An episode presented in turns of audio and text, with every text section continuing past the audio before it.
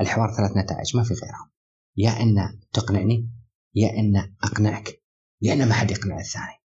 طبعا في حالة رابعة بس غبية. أنت تقول أنت صح؟ تقول لا والله أنت صح. فهني تصير يعني ما عمرها صارت. إيه بس في ثلاث احتمالات ما في غيرها يا تقنعني يا أقنعك يا ما حد يقنع الثاني بكل تسامح. لكن المشكلة وين تصير؟ إن في ناس مكوكة مخها على إن أنا فقط أرسل من اتجاه واحد. لن أستقبل منك أي شيء. والمشكلة وين؟ إن لما يصير نقاش حقيقي يعتقد إن أي حجة تأتي بها يقول والله لن تهز إيماني شعرة واحد خلاص بعد أنت بودكاست ألسن واحة من المعرفة اللغوية بالعربية. مرحبا بكم في بودكاست ألسن البودكاست العربي الأول في ميدان اللغة واللغويات. أقدمه لكم أنا هشام القاضي عن قرب من الرياض. السلام عليكم. حلقتنا اليوم حلقات. مزيج رائق من الفلسفة واللغة وغوص في دهاليز اللغة والعلوم. نتحدث في شؤون علمية وفلسفية تدور كلها حول محور اللغة. عن ديكارت وما يسمى باللسانيات الديكارتية. عن أصول علم اللسانيات عن تشومسكي ومدرسته في اللسانيات عن علاقة اللغة بالتفكير والعقل عن المنهجية العلمية عن نسب اللسانيات بين العلوم الإنسانية والطبيعية عن التطور الطبيعي للغات وعن اللغة العربية ذاتها وعن عشرات الأسئلة الشائقة وفي مقابلها إجابات عميقة رائقة. للأسف سجلت هذه الحلقة في ظروف فنية غير مثالية، ولكننا حاولنا أن نجعلها مقبولة لمستمعينا ومستمعاتنا الكرام قدر الإمكان. ضيفنا يا أعزائي مفكر لغوي وناقد سياسي من طراز نادر، ينادي بأشياء كثيرة ولكنه دوما يحمل الراية ذاتها.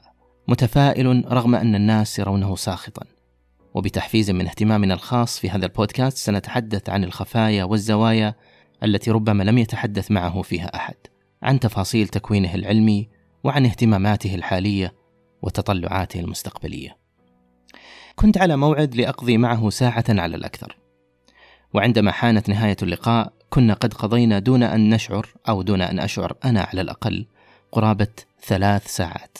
كانت كل دقائقها مليئة بالنقاش الذي يولد النقاش غزيرة بالأسئلة متوافرة الإجابات.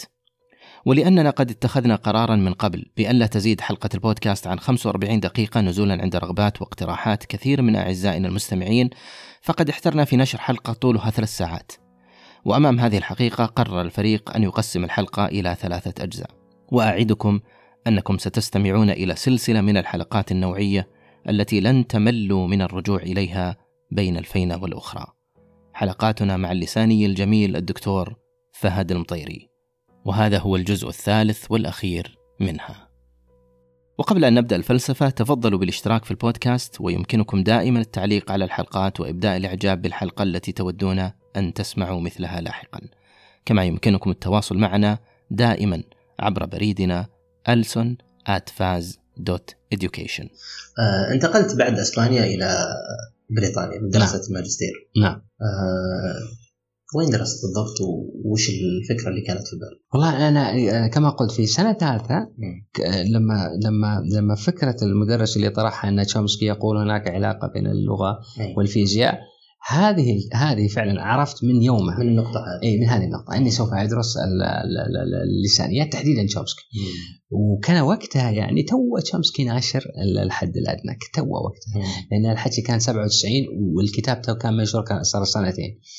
آه بعدها على طول قررت إني أروح آه طبعا سويت آه لما رديت من إسبانيا سويت أخذت سنة زيادة عشان أسوي البكالوريوس الثاني اللي وافادني فيما بعد اللي هو بكالوريوس باللغة العربية الأدب الأندلسي، لماذا؟ لأن كان الجامعة تقول كان وزارة التربية تقول إذا تفوقت في تخصصك نعطيك زيادة إذا أنت مسوي تخصص ثاني، وأنا كنت مسوي تخصص ثاني مجرد صراحة المتعة لأني كان عندنا قسم اللغة العربية. تخصص ثاني قصدك double major ولا لا تخصص مختلف. ما يسمونه double major نعم آه. مستقل. فأخذت شهادة أخرى بالبكالوريوس بعد البكالوريوس الأسباني أخذت البكالوريوس العربي وافادني كثيرا. لماذا؟ لأني لما رديت الكويت أقدم على بعثة ما في بكالوريوس اسباني يعني ما ما في ابتعاث لأي department تدزك يعني ما في ما في يعني ما في امتداد ما في قسم علمي أسباني. بس تقدر تروح بعثة إذا عندك إنجليزي أو عربي. فأفادني العربي مم. مصادفة هكذا. فلما قدمت على البعثة وعلى أساس أروح أدرس طبعا هذه يعني لما رحت ودرست آه، كان البال ال linguistics للأسف أنا آه، راسلت آه، أمريكا آه، قبلت comparative literature الأدب المقارن في Columbia University بس Columbia University تعرف كانت ال department of linguistics مالهم ميتة لسنوات أعتقد ردت الآن. فما قبلوني linguistics طبعا ماكو. فقبلت comparative literature. فcomparative literature صراحة أنا ما كنت أبي مع إن القسم هناك ممتاز بالأدب المقارن أه، بس أيضا حجة بحاجة لأن لأن السفارة الأمريكية لم تمنحني الفيزا وقتها. 2003 لأن بعد أحداث 11 اي فكانت مشددين صح. لم أمنح الفيزا.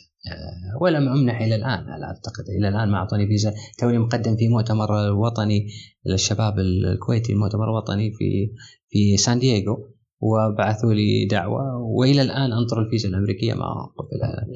ما أدري والله ما أدري ليش. ما يعني عندك أنا فكرة عن الموضوع؟ لعل هذه مناسبة ل- للأشخاص الآخرين اللي يتبعون أحزاب دينية اللي دائما يعني هذا الشخص راح جاي جايين عن الموضوع. إيه على الاحتلال وكذا وما أدري شلون. وهذا هذا- لعل هذا دليل يشفع لي عندهم إني ترى فيزا ما أعطوني مرتين مرغوب فبالتالي رحت يعني طبعا لاسكس جاتني من اسكس انقبلت في لايدن في في هولندا. بس قررت اسكس لأن امتدحها لي صد دكتوري في إسبانيا. قال إذا تروح لينغويستيك روح اسكس فرحت لاسكس لهذا السبب. اسكس فعلا كان عريقه اي كانوا فيها دكاترة نعم صح. ودرست تشومسكي. ثم فهمت إنك قبل شوي قلت إنه أخذت أيضا ماجستير ثاني أو إي نعم أخذت الماجستير واحد اسمه MA وواحد اسمه MRes اللي Master of Research الثاني. في Master of Arts و Master of Research وش الأول وش كان؟ كان الأول آه، عن اللي هو تاريخ تطور ال Chomsky thought الفكر التشومسكي هذا بالماجستير الأول. الماجستير الثاني كان عن linguistics and natural sciences يعني علم اللسانيات والعلوم الطبيعية علاقتهم مع بعض. آه ما شاء الله عليك شغال في يعني بكالوريوس اثنين ماجستير اثنين باقي دكتوراه. كلها كلها على اثنين اثنين. ما شاء الله. بنروح المرور نحول واحدة ما دكتور ما هي نظرتك أو فلسفتك حول علاقة اللغة والتفكير؟ علاقة اللغة بالتفكير. نعم. هل اللغة هي اللي تصنع الفكر وتؤطره. أم أن الفكر هو الذي يؤطر اللغة؟ أو أن مثل ما يعني اللي هو الثالث اللي هو لا علاقة لا هذا ولا هذا. انت تبي رايي الشخصي ولا ما قيل في هذا الأمر؟ لا أبي رأيك الشخصي؟ وتفصل فيه. هو هو أنا حقيقة أعتقد أن آم، اللغة ليست سابقة على الفكر، الفكر أسبق. يعني الفكر أول.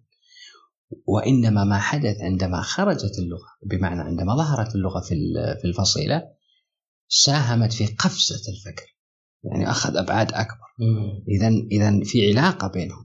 إن آه، والدليل إنك لما تشوف الفكر ال- الفكر موجود حتى عند الحيوانات. وإن كانت بمستويات مختلفة ولكن الفكر موجود عند كل الحيوانات، الحيوانات تفكر بطريقة أو بأخرى. والدليل ما نجدها في سلوكها مثلا. من ربط فكرة على فكرة لاصطياد شيء أو كذا. يعني في مستوى من ال- ال- الفكر بين قوسين.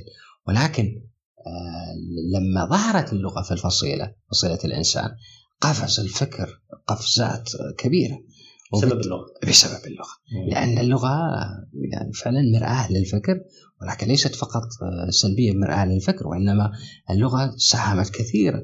في أن يكون عندنا يكون الفكر لاكثر من جانب صراحة يعني آه، غنيه يعني أمثلة كثيرة. سمحت لنا اللغة بأن نتأمل أفكارنا. هذا هذه مهمة جدا. كيف كيف نتأمل؟ تقول إنه الإنسان كان في إنسان بدون لغة. نعم. أنت تقول بهذا. آه، كان كان الانسان هناك إنسان م. ما عنده لغة. آه، طبعا إذا أخذنا على النظرية العلمية نظرية التطور نعم ال- ال- الإنسان في طبعا الإنسان يعتمد أي تقصد انسان هومو ريكتوس هومو هؤلاء ما كان عندهم لغة. اللغة نشأت على حسب فرضية الخروج من أفريقيا آه، نشأت في فصيلة معينة ربما يعني البعض يقول مئة سنة مئة ألف سنة والبعض يقول لا أكثر من مئة ألف البعض يمطها إلى مئة مليونين. ولكن يبقى المدة الزمنية قليلة بالقياس إلى حجم نظام التطور كله تاريخ التطور كله. وبالتالي عندما ظهرت هذه اللغة كيف ظهرت؟ لا نعرف. ولكن طبعا تشومسكي له رأي مشهور بهذا أنه ربما كان في في طفرة في الدماغ ساهمت في إعادة ترتيب الخلايا بالدماغ وخرجت وظيفة جديدة اللي هي وظيفة تكرارية اللي ساهمت في نشأة اللغة. لأن اللغة كلها كما قلنا من قبل اللغة خاصية واحدة هي الأهم فيها خاصية تكرارية. آه، فهذه الخاصية هي اللي سمحت بنشوء اللغة كما نعرفها الآن.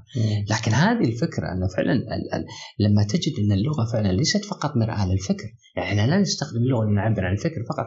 اللغة سمحت في أن نتأمل أفكارنا. وهذا اللي يسمع بالتفكير يكون هذا اللي يجعلنا نتأمل غير عن الحيوانات، الحيوانات لا يمكن يكون عند الحيوانات قانون، لا يمكن أن يكون الحيوانات فلسفة، لا يمكن لماذا؟ لأن هذه الأمور تحتاج تأمل، التأمل يحتاج إلى لغة، والحيوانات ليس لديها لغة، صحيح. الإنسان لديه لغة، طبعا أنا أدري بعض ربما المستمعين الآن يقولون طب ما, ما الذي يدرك الحيوانات أيضا لديها لغة؟ إحنا نقصد بلغة بوسيلة اتصال. كل الحيوانات تقريبا لها وسائل اتصال ما بينها وبين بعض. ولكن أنا أقصد اللغة. الصيحات والصراخات هذه اللي بين على وسائل النداءات يسمونها. إيه؟ ولكن اللغة تمتاز عن كل وسائل هذه الاتصال بأشياء فيها مثل خاصية انعكاسية مثل مثلا مثلا انعكاسية وش؟ يعني مثلا مثلا باللغة مثلا الخاصيه التكراريه تسمح بوجود مثل هذه الخاصية الانعكاسية. مثلا مثلا لو أقول مثلا آه اليوم الخميس صح؟ أوكي. هذه أقدر أعطيها قيمة صواب صح أو خطأ؟ صح؟ ممكن اليوم الخميس ممكن اليوم مو الخميس. تمام. طيب لو قلت أعتقد إن اليوم الخ... الخميس. الآن هذه الجملة قد تكون صحيحة. وقد تكون خطأ. إيه؟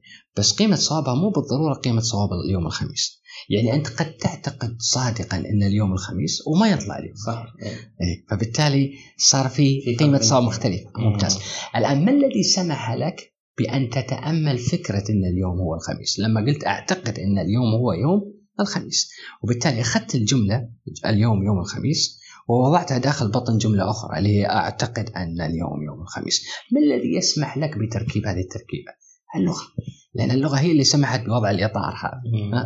الجملة داخل جملة لا التركيب هذه الجملة داخل جملة اللي إحنا نسميها بالنحو تركيب داخل تركيب هذه هو الذي سمح لك في تتأمل الفكرة. لأن فكرة اليوم الخميس تأملتها عندما قلت أعتقد أن اليوم يوم الخميس. فبالتالي اللغة سمحت بأن تتأمل فكرة الفكرة. وهذه هذا بداية التفكير.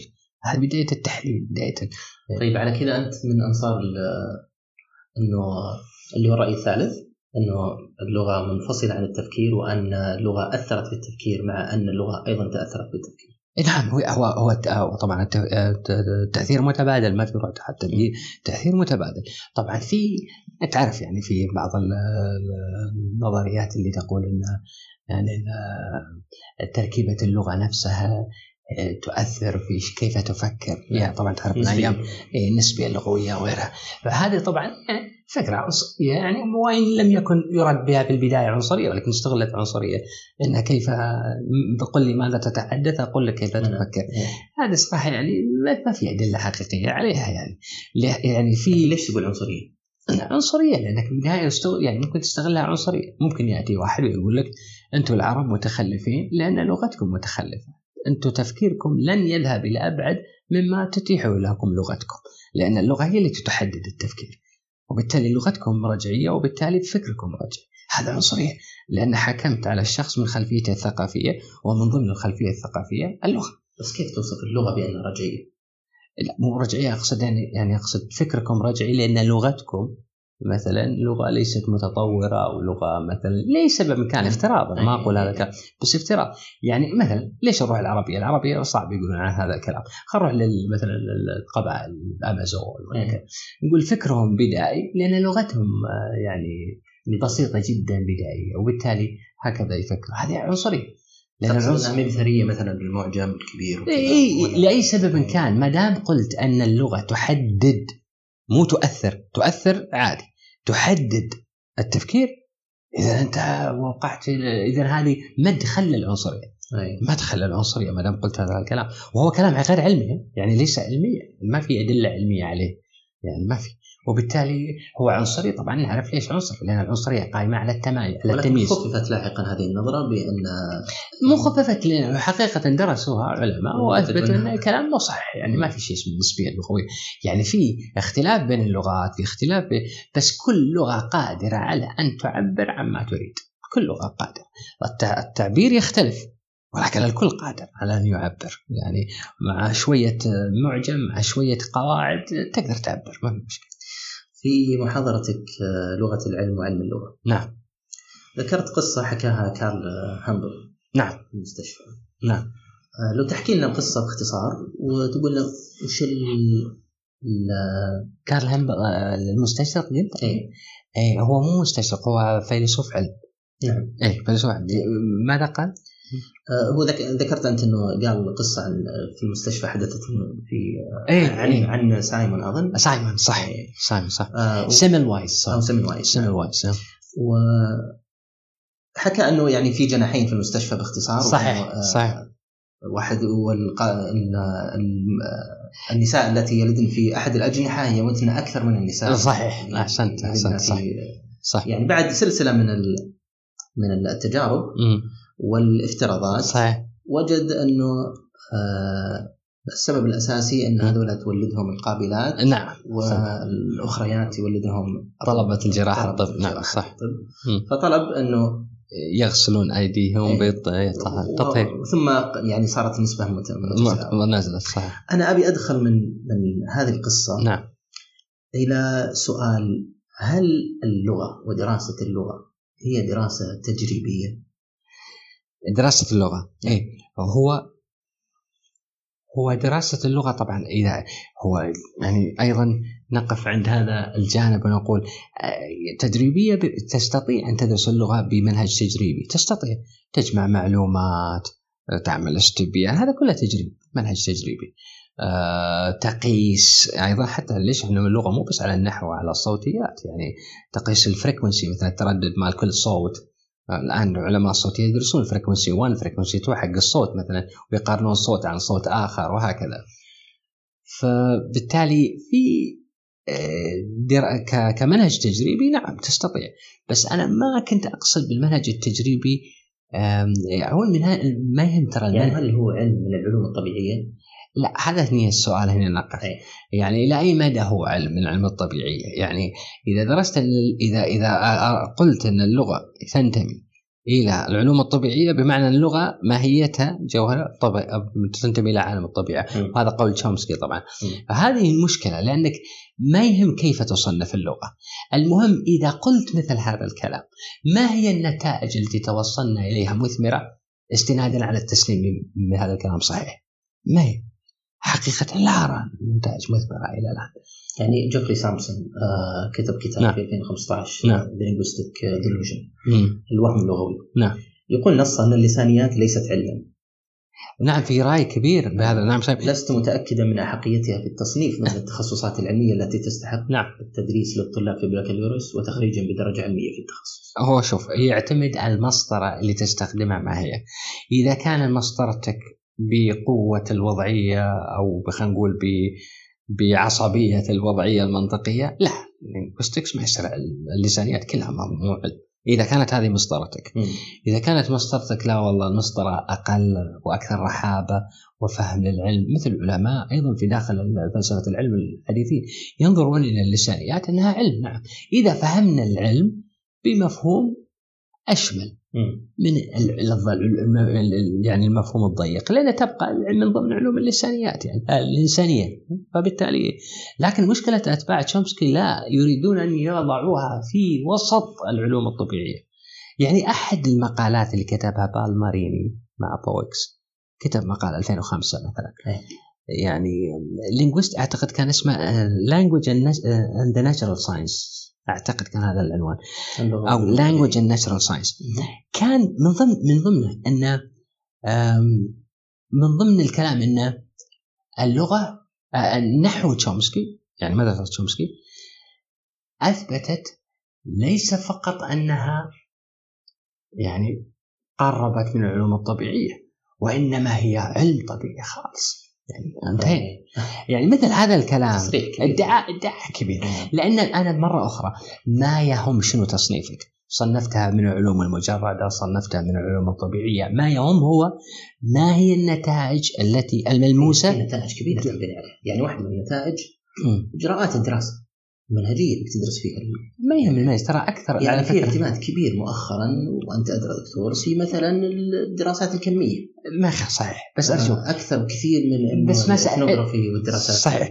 بس دكتور هشام أرجوك سؤال واحد. نعم. لماذا تكثر أو يكثر الحديث دائما بتفصيل عن المنهجية في العلوم الإنسانية؟ بينما لو تروح العلوم الطبيعية ترى المنهجية ما عاد إيه واعزل واعزل إنتهى. هناك ثمار بينما هناك الثمار قليلة. كلما تكلمت عن المنهج وتفاصيل المنهج ثمارك قليلة. ترى المهم الثمار وليست منهجيتك ما هي الثمار ما هي. وأنا لا ألوم العلوم الإنسانية على ذلك لأن العلوم الإنسانية صعبة لأن موضوعها في النهاية الإنسان سواء من خلال اللغة سواء من خلال العقل سواء من خلال علم النفس سواء ما دام الموضوع هو الإنسان صعب الدراسة. مم. الإنسان لما ي- يس ي- يست يعني يعلم أنه تحت التجربة بإمكانه أن يخرب لك التجربة كلها بمجرد وعيه أنه تحت التجربة.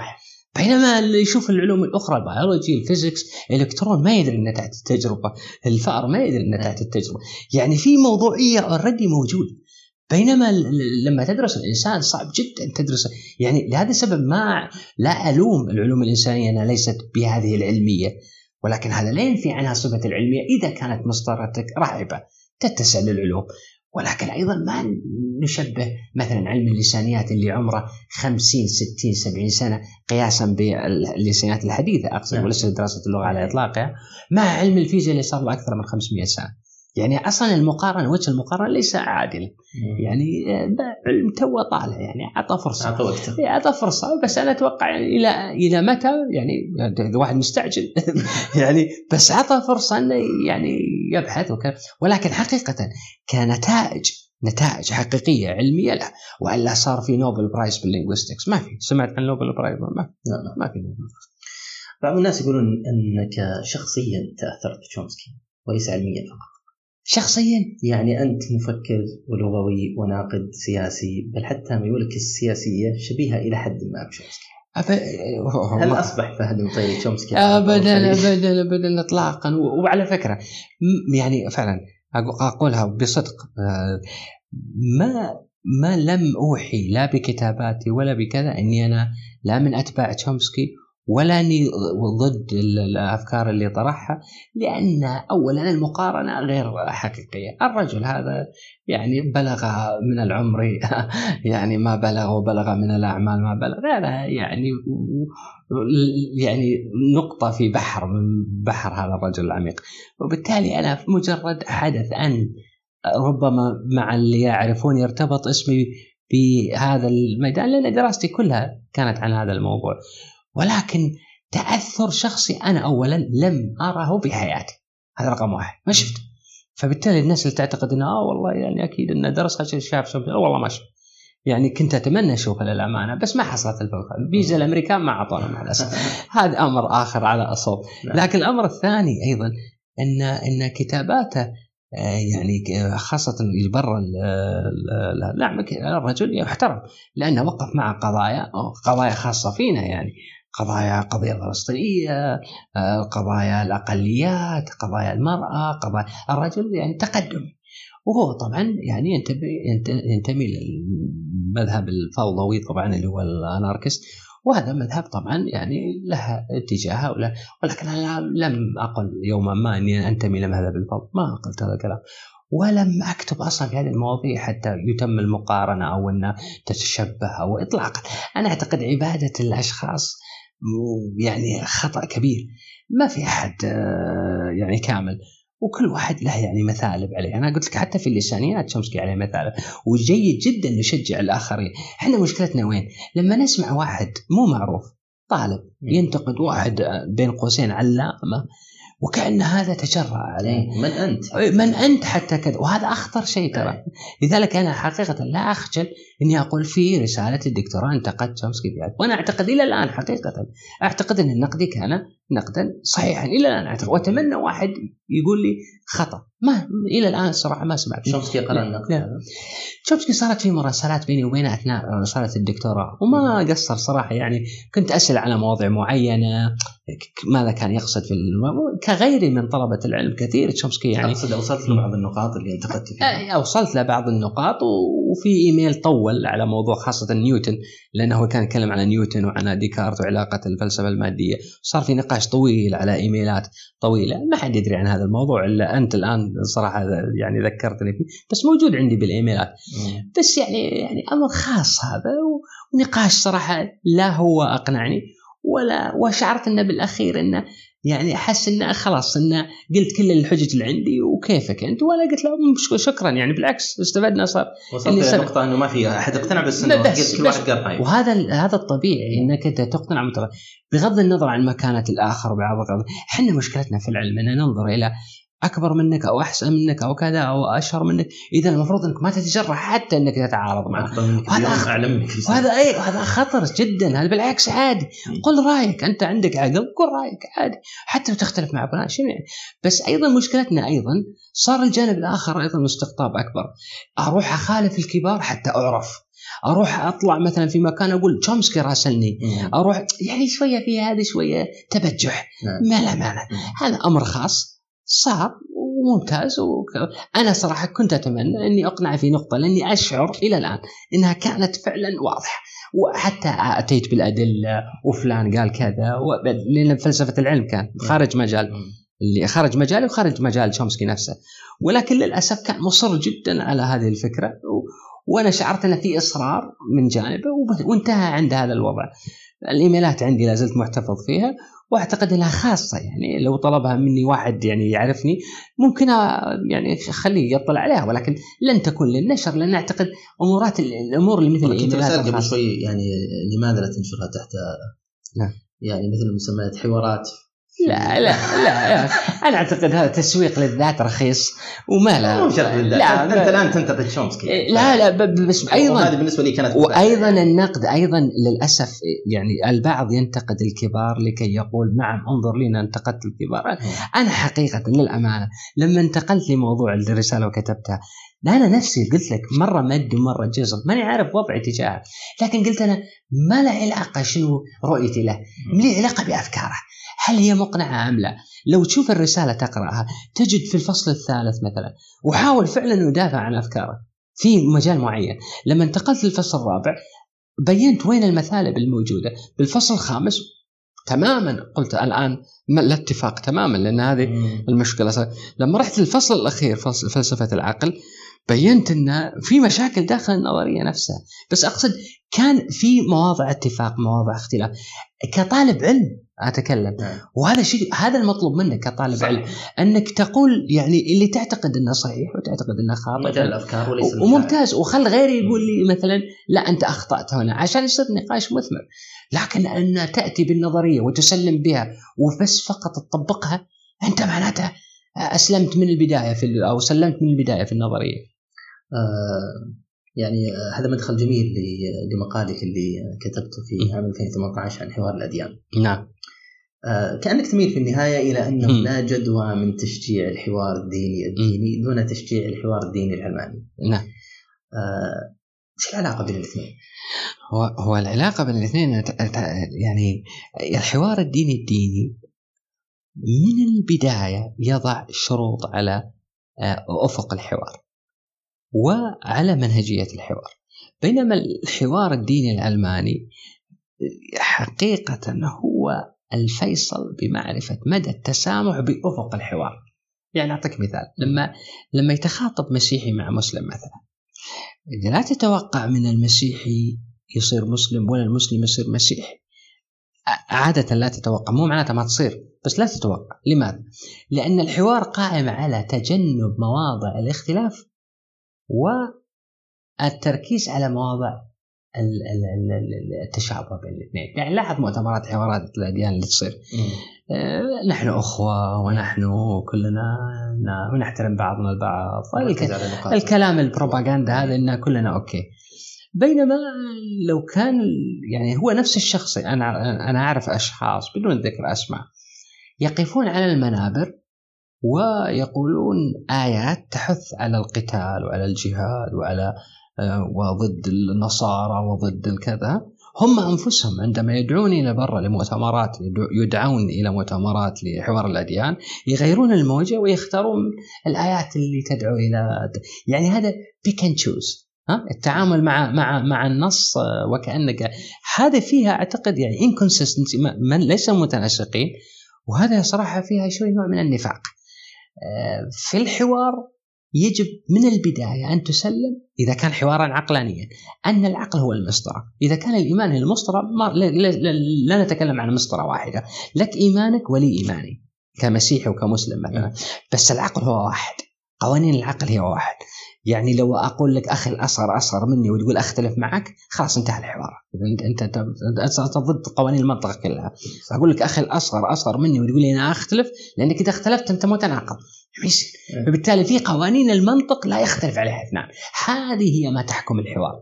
يعني لو نرد مرة أخرى لأرسطو اللي هو حقيقة واضع علم المنطق نجد أنه فعلا ركز على هذه الفكرة أن أن كيف أقنع الآخر بأساس يشترك فيه الاثنان اللي هو ماذا؟ العقل. قوانين اللي تحكم العقل التفكير السليم اللي هو المنطق. بينما لما يأتي الحوار على معيار آخر اللي هو معيار يعني أنت الآن ممكن تسولف مع كثيرين مثلا لاحظ أي واحد مؤمن إيمان تام ويناقش واحد ليس مؤمنا. يعني يعني تلاحظ إن في شر شرطية بالحوار. أعطيك مثال حقيقي صار معي حقيقي. بدون ذكر أسماء أشخاص ولكن شخص يعني قريب. طلب مني قراءة كتاب وهذه صارت معي على فكرة برا في مناسبة أخرى مع مسيح. بس هذه صارت داخل بالكويت أيضا. كتاب ما أذكر اعتقد متولي الشعراوي أو شغله أرجوك اقراه يعني يتوسل لي. اقراه أرجوك اقرأ سوف تجد في كذا وكذا وكذا. أرجوك اقرأ. قلت لا ما يخالف أنا اعدك وعد حر. أني ساقراه بعقل منفتح تماما. بس الله يخليك جاوب على السؤال هذا. ما نسبة ما نسبة احتمال إني أنا الحين راح أعطيك كتاب آخر واريد تقرأه عن نظرية مثلا خلينا نسميها نظرية التطور. وفعلا أعطيتها عن نظرية التطور. مال واحد اسمه ماير آه، عن نظرية التطور. قلت اقرأ هذا الكتاب. ما نسبة إن هذا الكتاب يغير إيمانك بالمرة تطلع من مثلا مثال قال صفر بالمئة لماذا اذا حوارك من اتجاه واحد؟ يعني يعني أقصد المشكلة وين يصير؟ إما أنا أقتنع هذه المشكلة هو الحوار ثلاث الحوار ثلاث نتائج ما في غيرها. يا إن تقنعني يا إن أقنعك يا إن ما حد يقنع الثاني طبعا في حاله رابعة بس غبية. أنت تقول أنت صح؟ تقول لا والله أنت صح. فهني يصير يعني ما عمرها صارت. إيه بس في ثلاث احتمالات ما في غيرها. يا تقنعني يا أقنعك يا ما حد يقنع الثاني بكل تسامح. لكن المشكلة وين تصير؟ إن في ناس مكوكة مخها على إن أنا فقط أرسل من اتجاه واحد. لن أستقبل منك أي شيء. والمشكلة وين؟ إن لما يصير نقاش حقيقي. يعتقد إن أي حجة تأتي بها؟ يقول والله لن تهز إيماني شعره واحد. انت انت خالص بعد. أنت إيش حق يصير نقاش يعني لأنه يعتقد إن النقاش هو الغرض منه هز إيمانه. وليس هز إيمانك. هو مجرد نقاش لفهم الأوضاع لفهم لاختبار الأفكار لاختبار. وليست وليس هي معركة. ها؟ معركة لأحد إيمان أو ما بمعنى بالعكس الإيمان العميق هو اللي قائم على التفكير القائم على التأمل الحقيقي البحث المخلص عن الحقيقة. هذا هو الإيمان العميق. وهذا الايمان في تغير. نعم. يعني أنت ود أن تقول بمعنى آخر أنه حوار الأديان قائم على اللا منطق وحوار الدين العلماني قائم على المنطق من جهة واحدة على الأقل. لا ما في من جهة واحدة. يجب أن تكون من جهتين. بس أنا ليش قلت إيه بس أنت تصف يعني. أنا أصف. إيه المفروض أن أنا أقصد بالحوار الديني العلماني انه هو الذي يسمح بمدى تسامح الطرف الديني في رفع السقف. الحوار. لكن هذا غير حاصل فعليا. مو هذا المشكلة. لهذا السبب أنا أقصد حتى من جانب العلمانية.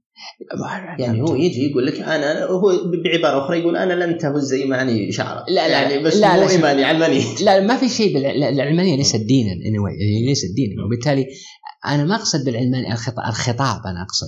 يعني الخطاب الديني نفسه يعني له سقف.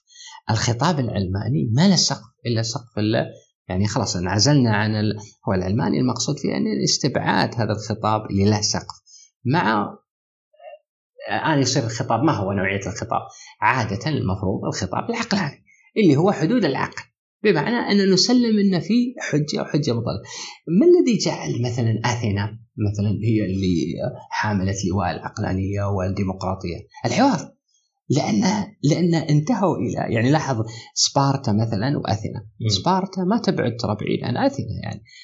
سبارتا مثلا كانت قائمة على القوة وعلى البطش وعلى وبالتالي نظامها كان ديكتاتوري توتاليتاري بينما أثينا لماذا الديمقراطية؟ لأنها قائمة على الاقناع لذلك لذلك دائما تبرز فكرة الحكيم. لذلك عندهم فكرة السبع الحكماء. لماذا الفكرة؟ الحكيم بمعنى لماذا انتشرت عندهم علم الكلام السفسطائيين وغيرهم أو يعني يعني معرفة البلاغة وإقناع الآخرين؟ لأن كي تبرز سياسيا يجب أن تكون عندك حجة في إقناع الآخرين.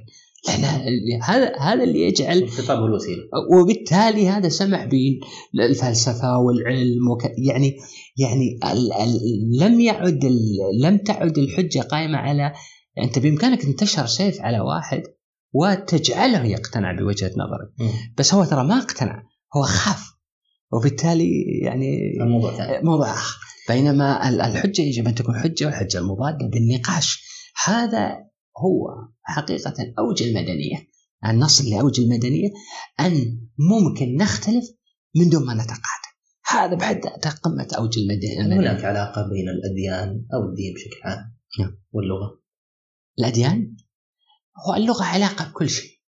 يعني الدين إذا أردت أن أن تعبر عنه لابد أن تعبر عنه بلغة إذا أردت أن تعبر عن الفلسفة لابد باللغة. إذا أردت تعبر عن العلم لابد باللغة. فبالتالي العلاقة من منذ البداية موجودة منذ البداية كوسيلة اللغة. ولكن علاقة الأديان إذا تقصد فيها أو الدين بشكل عام باللغة علاقة أخرى أيضا في أوجه كثيرة لها من ناحية مثلا التفسير. يعني مثلا التفسير الديني قائم على فكرة أن النص الآن أمامي وكيف مثلا أفسر هذا؟ جانب لغوي؟ مهم. نعم. يعني هل المقصود ما نقرأه أو المقصود شيء آخر مثلا غير ما نقرأه؟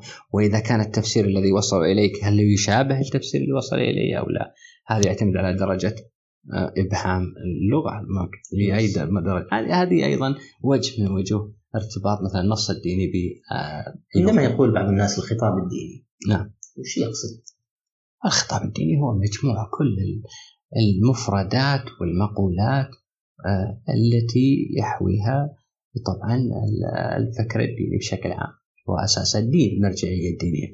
فهذا هو الخطاب. الخطاب بمعنى بشكل عام كل مجموع كل المفردات والأفكار والمقولات الدينية هذا هو الخطاب الديني ولكن ما تعتقد أنه آه كلمة بهذه العمومية نعم. يعني تصهر فيها كل التوجهات الدينية بتفاصيلها باختلافاتها نعم. بال... هو خطاب هو الخطاب لما أقول الخطاب الديني هو فقط وصف إنه هو يضم كل نفس ما تقول مثلا الخطاب العقلاني الخطاب عادي يعني بس أكيد داخل الخطاب العقلاني مدارس ومشاعر عادي يعني هذا أمر عادي وليس فيه يعني إجحاف بحق أي أحد هل تعتقد أن العقل مسؤول أخلاقيا؟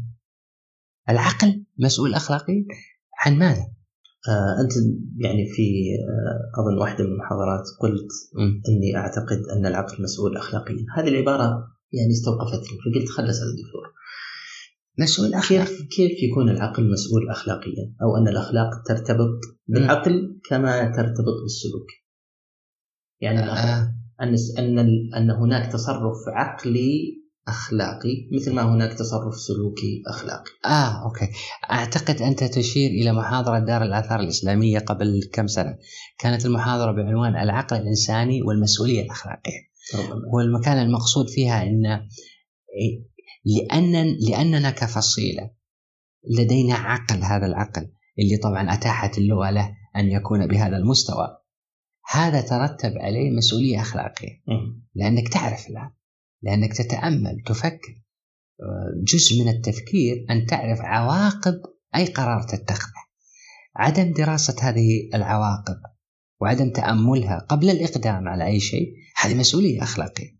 وبالتالي يترتب عليها مسؤولية أخلاقية. فكرة أن يكون لنا عقل لم أقل أن العقل مسؤول اخلاقيا هذا ما لها معنى لما أقول العقل مسؤول اخلاقيا. أنا أقول فكرة أن يكون لنا هذا المستوى العقلي يترتب عليه مسؤولية أخلاقية يترتب عليه. لأن بالنهاية الحياة مثلا قرارات بعضها مصيري فأن تختار ألف أو باء يترتب على ألف أشياء ويترتب على باء أشياء أخرى.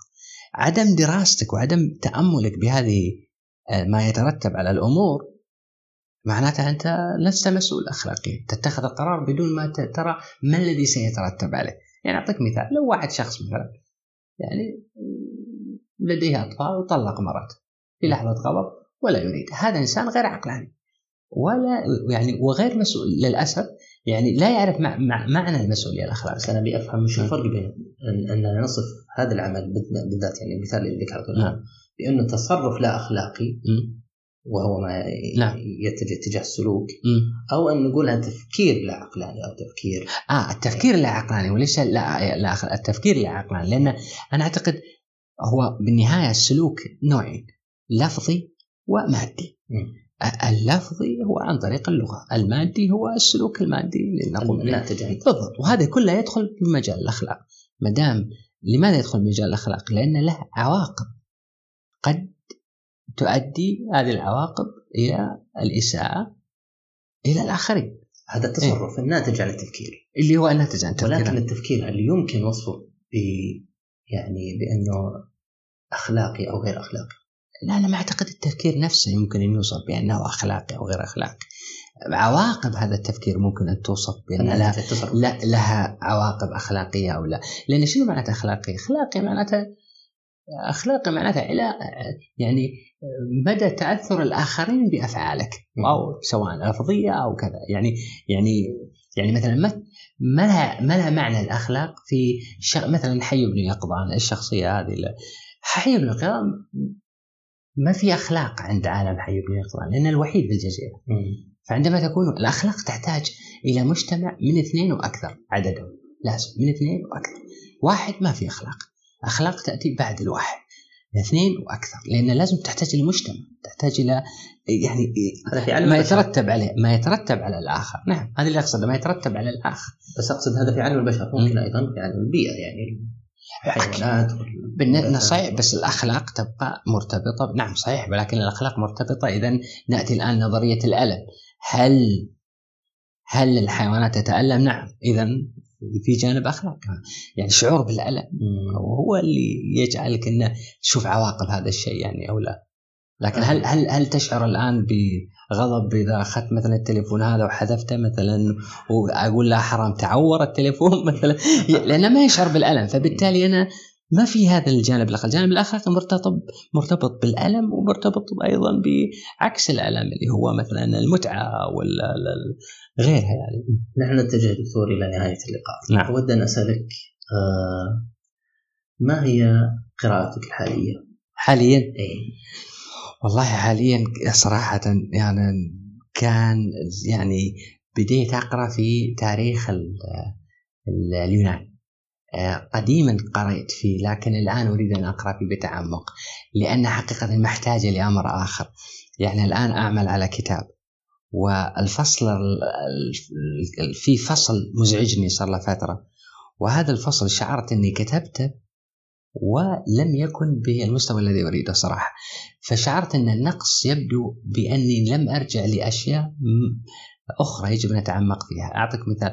الفصل يتكلم عن علاقة العلم بالفلسفة العلم تاريخيا فوجدت أن فعلا لا أستطيع أن أتحدث عن هذا الأمر بدون ما أفهم التحول التاريخي اللي صار أثناء بروز الفلسفة ما قبل سقراط.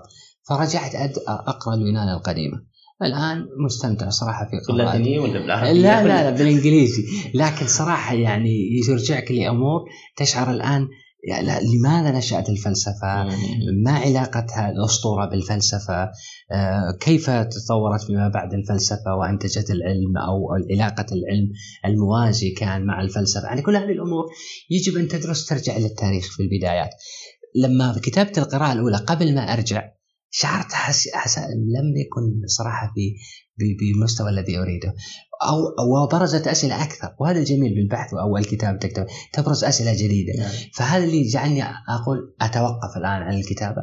أريد أن أرجع الآن للقراءة. مم. ثم بعد ذلك يعني أكمل. يعني من بين كل تلك القضايا التي ناقشناها والتي لم نناقشها وما شاء الله أنت مجالك يعني مذهل. وأنا كنت أتوقع انه الحوار بياخذنا أنا, أنا آسف لكن لكن آه. تماما أنا أنا أسعد والله معك بنقاش ما القضية اللغوية التي تشغلك؟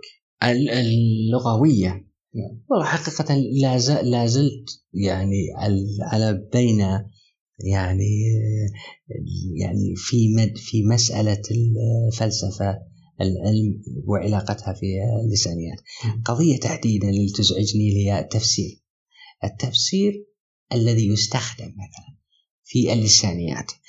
ما مدى جودته من الناحية العلمية أريد أن أعرف ذلك لأن حقيقة لما تأتي إلى جودة التفسير في آه، علم الفيزياء وغيرها في معايير معينة لازم تتحقق.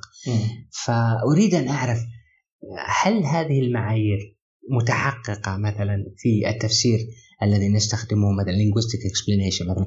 هل موجود هذا التفسير العلمي اللساني؟ هل هو فعلا يتمتع بجودة مشابهة لجودة التفسير العلمي في الفيزياء مثلا أو في الكيمياء؟ هل هل هذا التفسير موجود؟ مثلا الجودة موجودة أو لا؟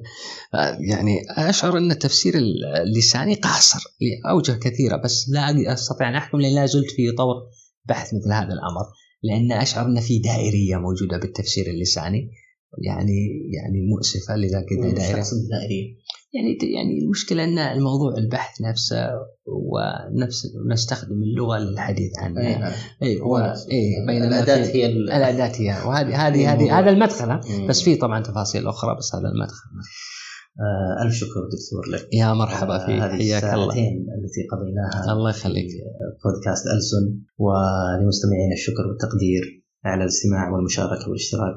نلقاكم في الحلقة المقبلة حتى ذلكم الحين تفلسفوا باللغة. نشكر لكم اهتمامكم ولا نستغني حقا عن آرائكم. اكتبوا لنا تعليقاتكم وشاركوا البودكاست مع من تحبون واضغطوا من فضلكم زر الإعجاب. اشتركوا في البودكاست لتأتيكم حلقاتنا تباعا. شاركونا الرأي وتابعونا على حسابات التواصل الاجتماعي على تويتر وإنستغرام وفيسبوك.